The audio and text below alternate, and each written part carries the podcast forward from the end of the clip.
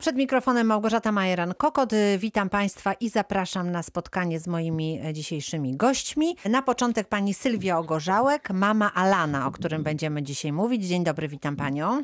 Dzień dobry, witam. Proszę nam opowiedzieć o swoim e, wybitnym synu, który jest świetnym sportowcem, ale no jak to się wszystko zaczynało, bo e, pewnie w dzieciństwie nie od razu było wiadomo, że będzie to taki sportowiec, e, jak Alan się rozwijał i jakie były jego problemy, bo takowe też e, są. E, Alan urodził się z e, wadą wrodzoną stóp, no i rzeczywiście od samego urodzenia gdzieś był kontakt z wodą, no ale nie wiad- od początku nie wiadomo było, tak, będzie sportowcem, natomiast kontakt z wodą był od samego dzieciństwa.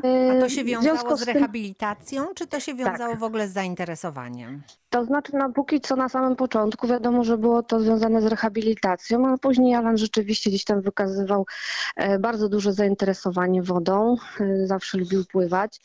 E, I dopiero później, tak od mniej więcej czwartej klasy szkoły podstawowej, zaczął już pływać e, w klubie, tak? Czyli już tak można powiedzieć bardziej profesjonalnie. Jak pani jako mama go ocenia? To znaczy, czy on jest e, zawsze był taką osobą wytrwałą, pokonującą wszelkie problemy, czy był też osobą taką trochę zamkniętą, która musiała się przełamać do takich działań? Alan zawsze był otwarty, zawsze uparcie dążył do celu, stawiał sobie dosyć wysoko poprzeczki i no i tu nigdy się nie poddawał. Wiadomo, że początki są zawsze dla każdego sportowca takie, żeby przełamywać tak pewne granice.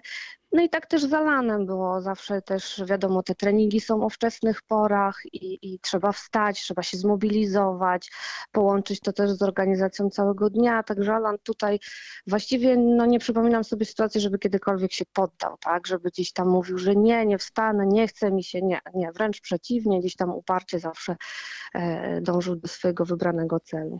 A czy Alan był taką osobą, e, która czuła swoją niepełnosprawność, która czuła się trochę inna, gorsza?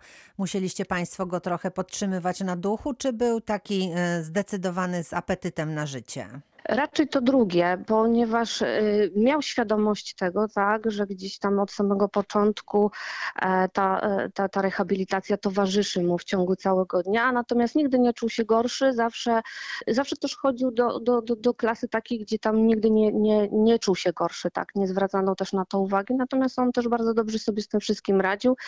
No i ta, ta codzienna rehabilitacja właściwie doprowadziła do tego, że on, on e, z tą wodą jakby no, prze do końca, tak jak i teraz, tak, cały czas pływa i, i no ale nie czuje tego, żeby był gdzieś tam gorszy. A Państwo obserwowali te jego poczynania sportowe i jak to było, kiedy no, zaczęło się okazywać, że dobrze sobie radzi, no i zaczyna odnosić sukcesy. Co się działo wtedy w domu?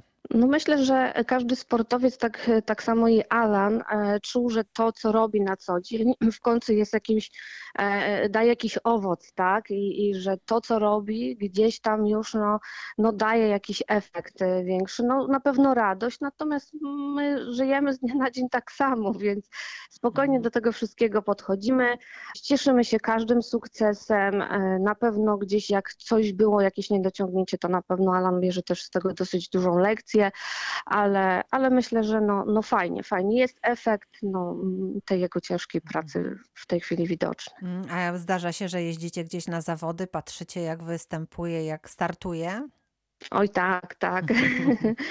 tak, ostatnio miałam okazję być w Berlinie, niestety na tym Pucharze Świata niestety nie wpuszczano widowni, natomiast no samo kibicowanie gdzieś tam online'owe było, e, trzymaliśmy kciuki, nawet siostra moja przyjechała, tak córka, siedzieliśmy właśnie też tam niedaleko tej pływalni e, hotelowej, ale no tak, tak. No i staramy się jeździć, e, dopingować i, i jak najbardziej żyjemy jakby na, na tym sportem. Mhm. To jest dla niego ważne? On chce, żebyście byli, czy, czy raczej, no właśnie, niekoniecznie was zaprasza?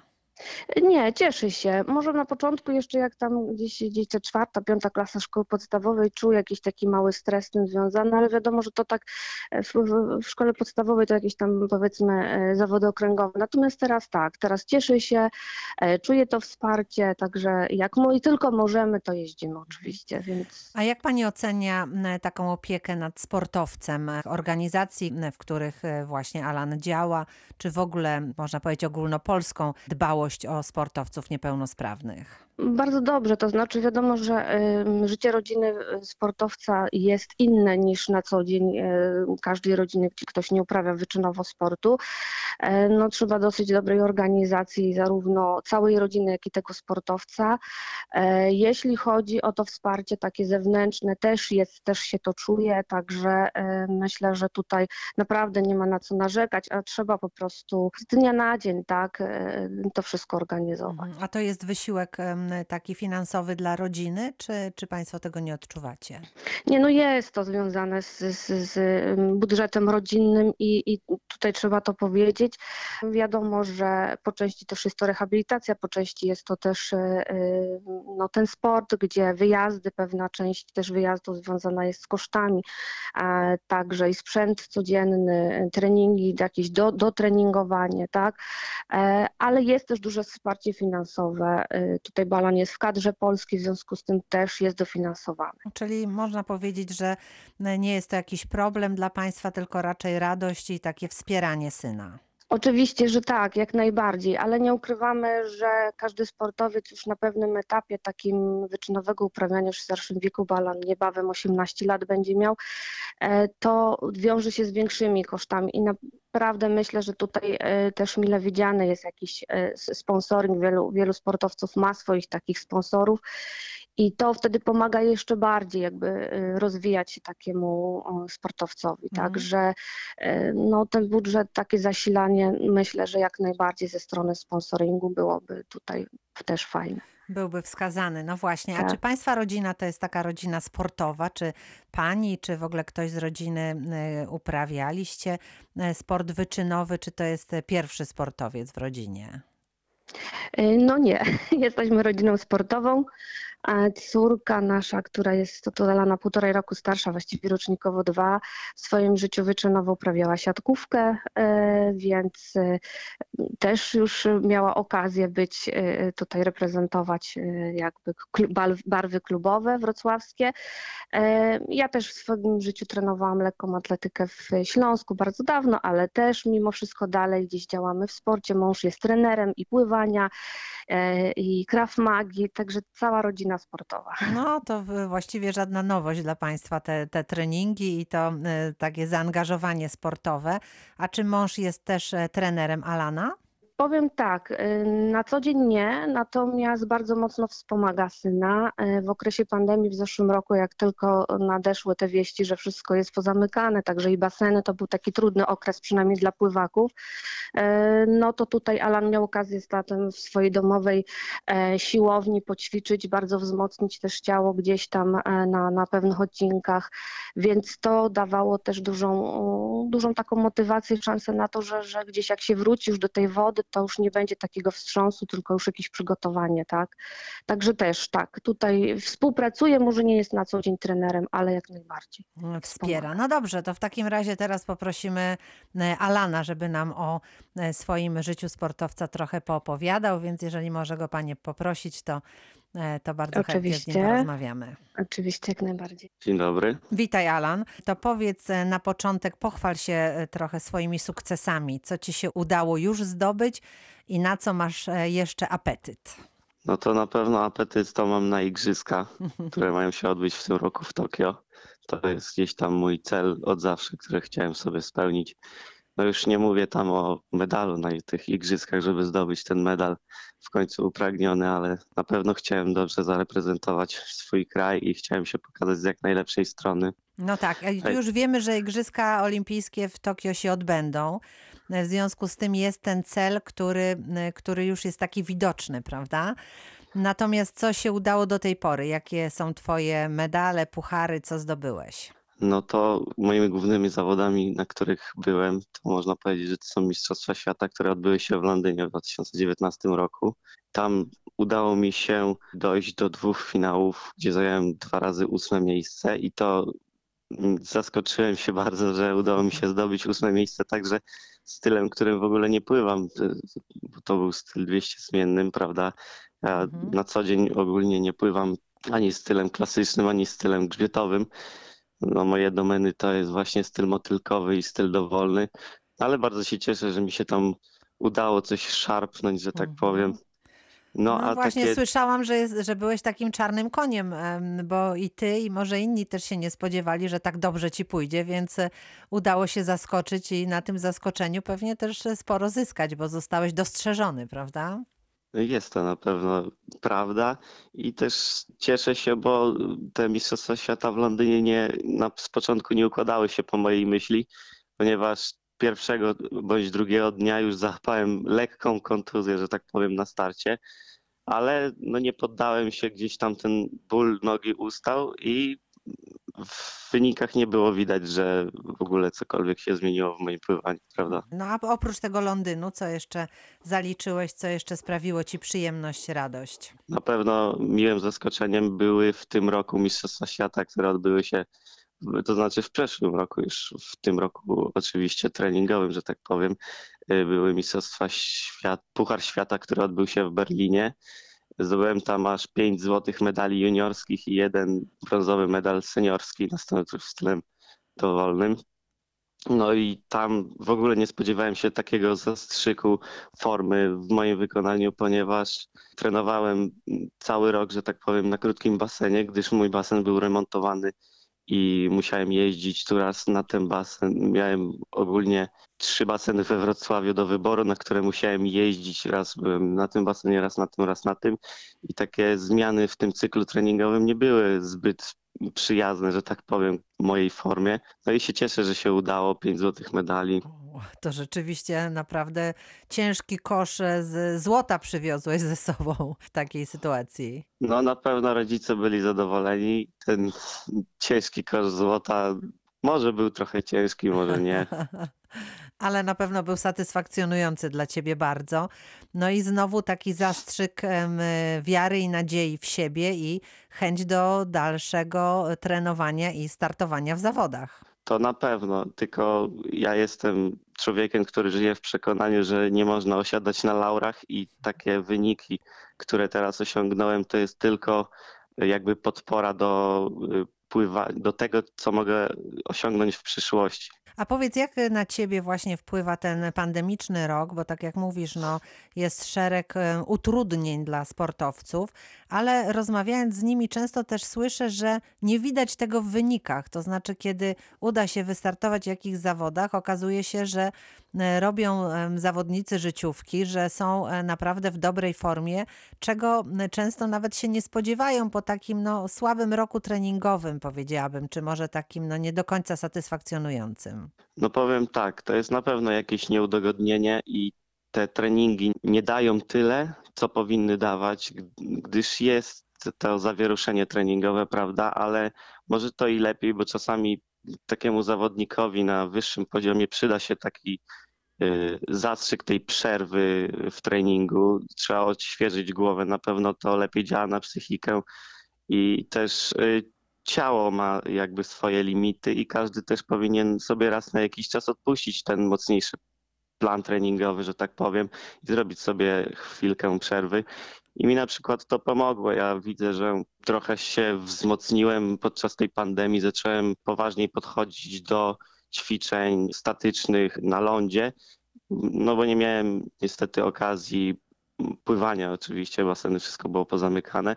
Także tutaj dziękuję, chciałem podziękować mojemu tacie, który rozpisywał mi te treningi i wszyscy widzieli po powrocie, że mocno się wzmocniłem i jak wróciłem do wody, to nie było czegoś takiego, że jest ciężko. Gdzieś tam po dwóch tygodniach wróciłem mniej więcej do tej formy sprzed pandemii, co też mnie zaskoczyło. No bo to na, na, na pewno niesamowite uczucie, że tak w tak krótkim czasie mogłem wrócić do swojej formy sprzed. Mhm. To może też jest dowód na to, że psychika jest bardzo ważna, e, czasami może nawet ważniejsza niż ciało, prawda? I to przygotowanie. Takie uczucie masz też czasami?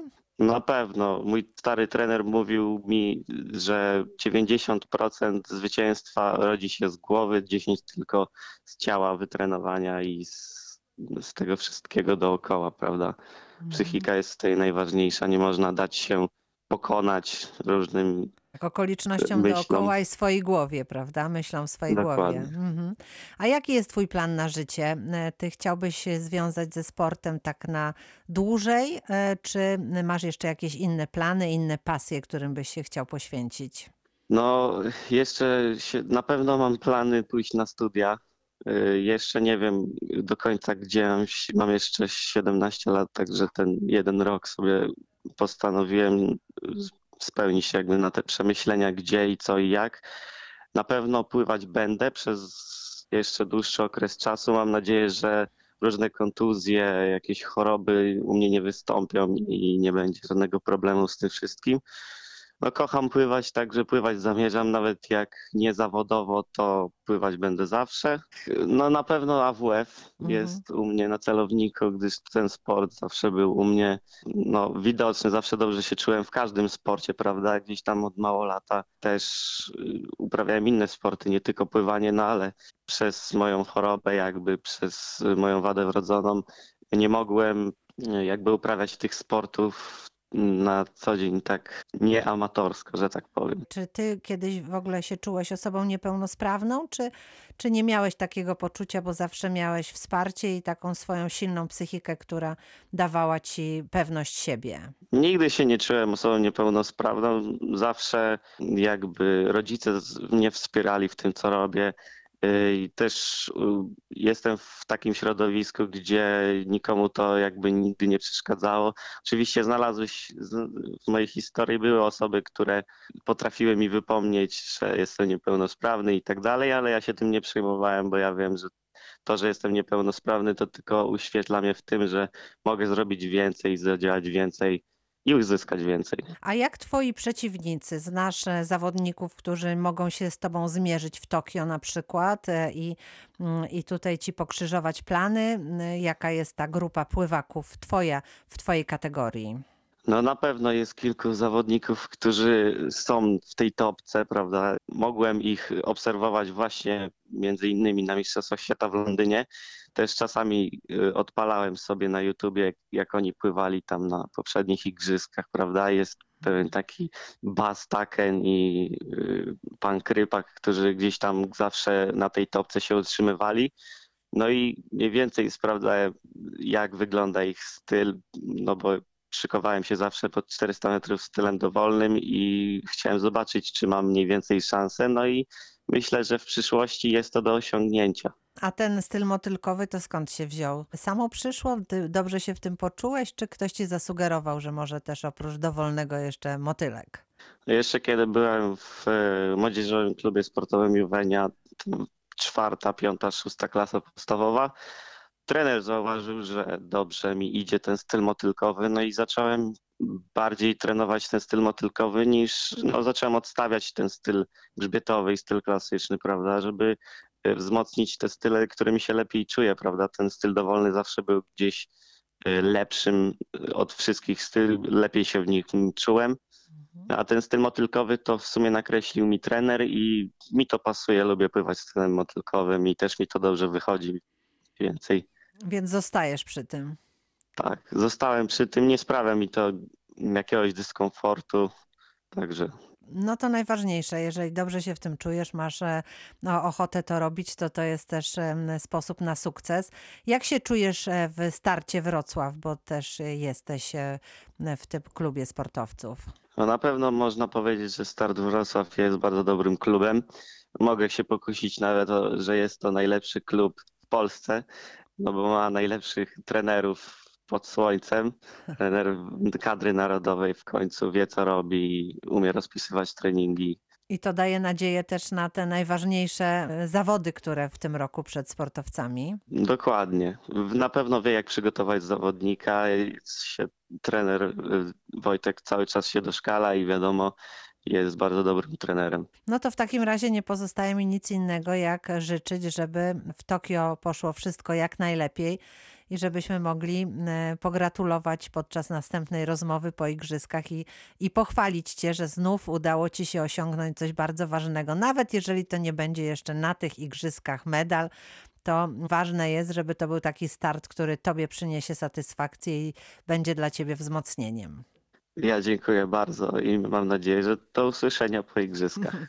Bardzo dziękuję. Proszę Państwa, to był Alan e, Ogorzałek, nasz e, dolnośląski pływak, a wcześniej jego mama, pani Sylwia Ogorzałek, e, o swoim zdolnym synu nam co nieco opowiedziała. Małgorzata Majeran-Kokot, bardzo dziękuję za spotkanie i do usłyszenia.